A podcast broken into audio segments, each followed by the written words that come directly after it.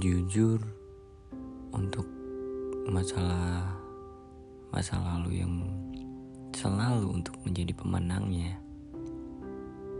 Gue rasa sih nggak setuju ya.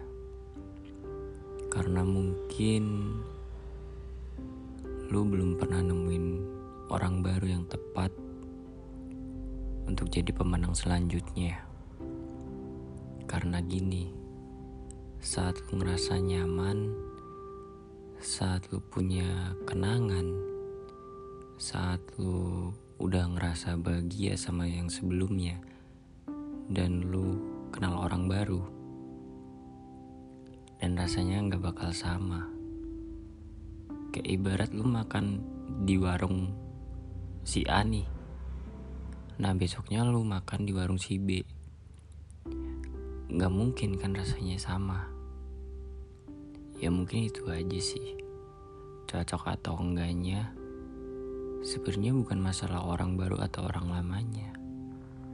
Cuman emang kayak lu belum nemu seseorang yang cocok atau lu belum nemu seseorang yang bisa gantiin orang di masa lalu lu. Kalau saran gue sih lu harus move dulu dari yang lalu baru lu cari orang yang baru. Karena perasaan itu gak mungkin sama dan perasaan gak mungkin bisa dibohongin.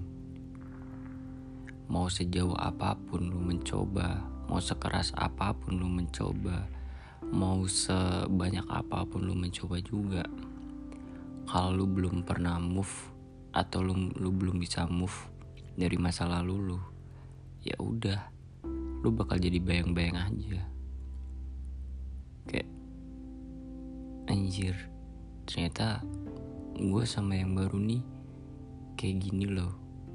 Nggak kayak sama yang lama. Yang lama mungkin lebih better atau emang lu nemu yang barunya belum lebih better aja gitu.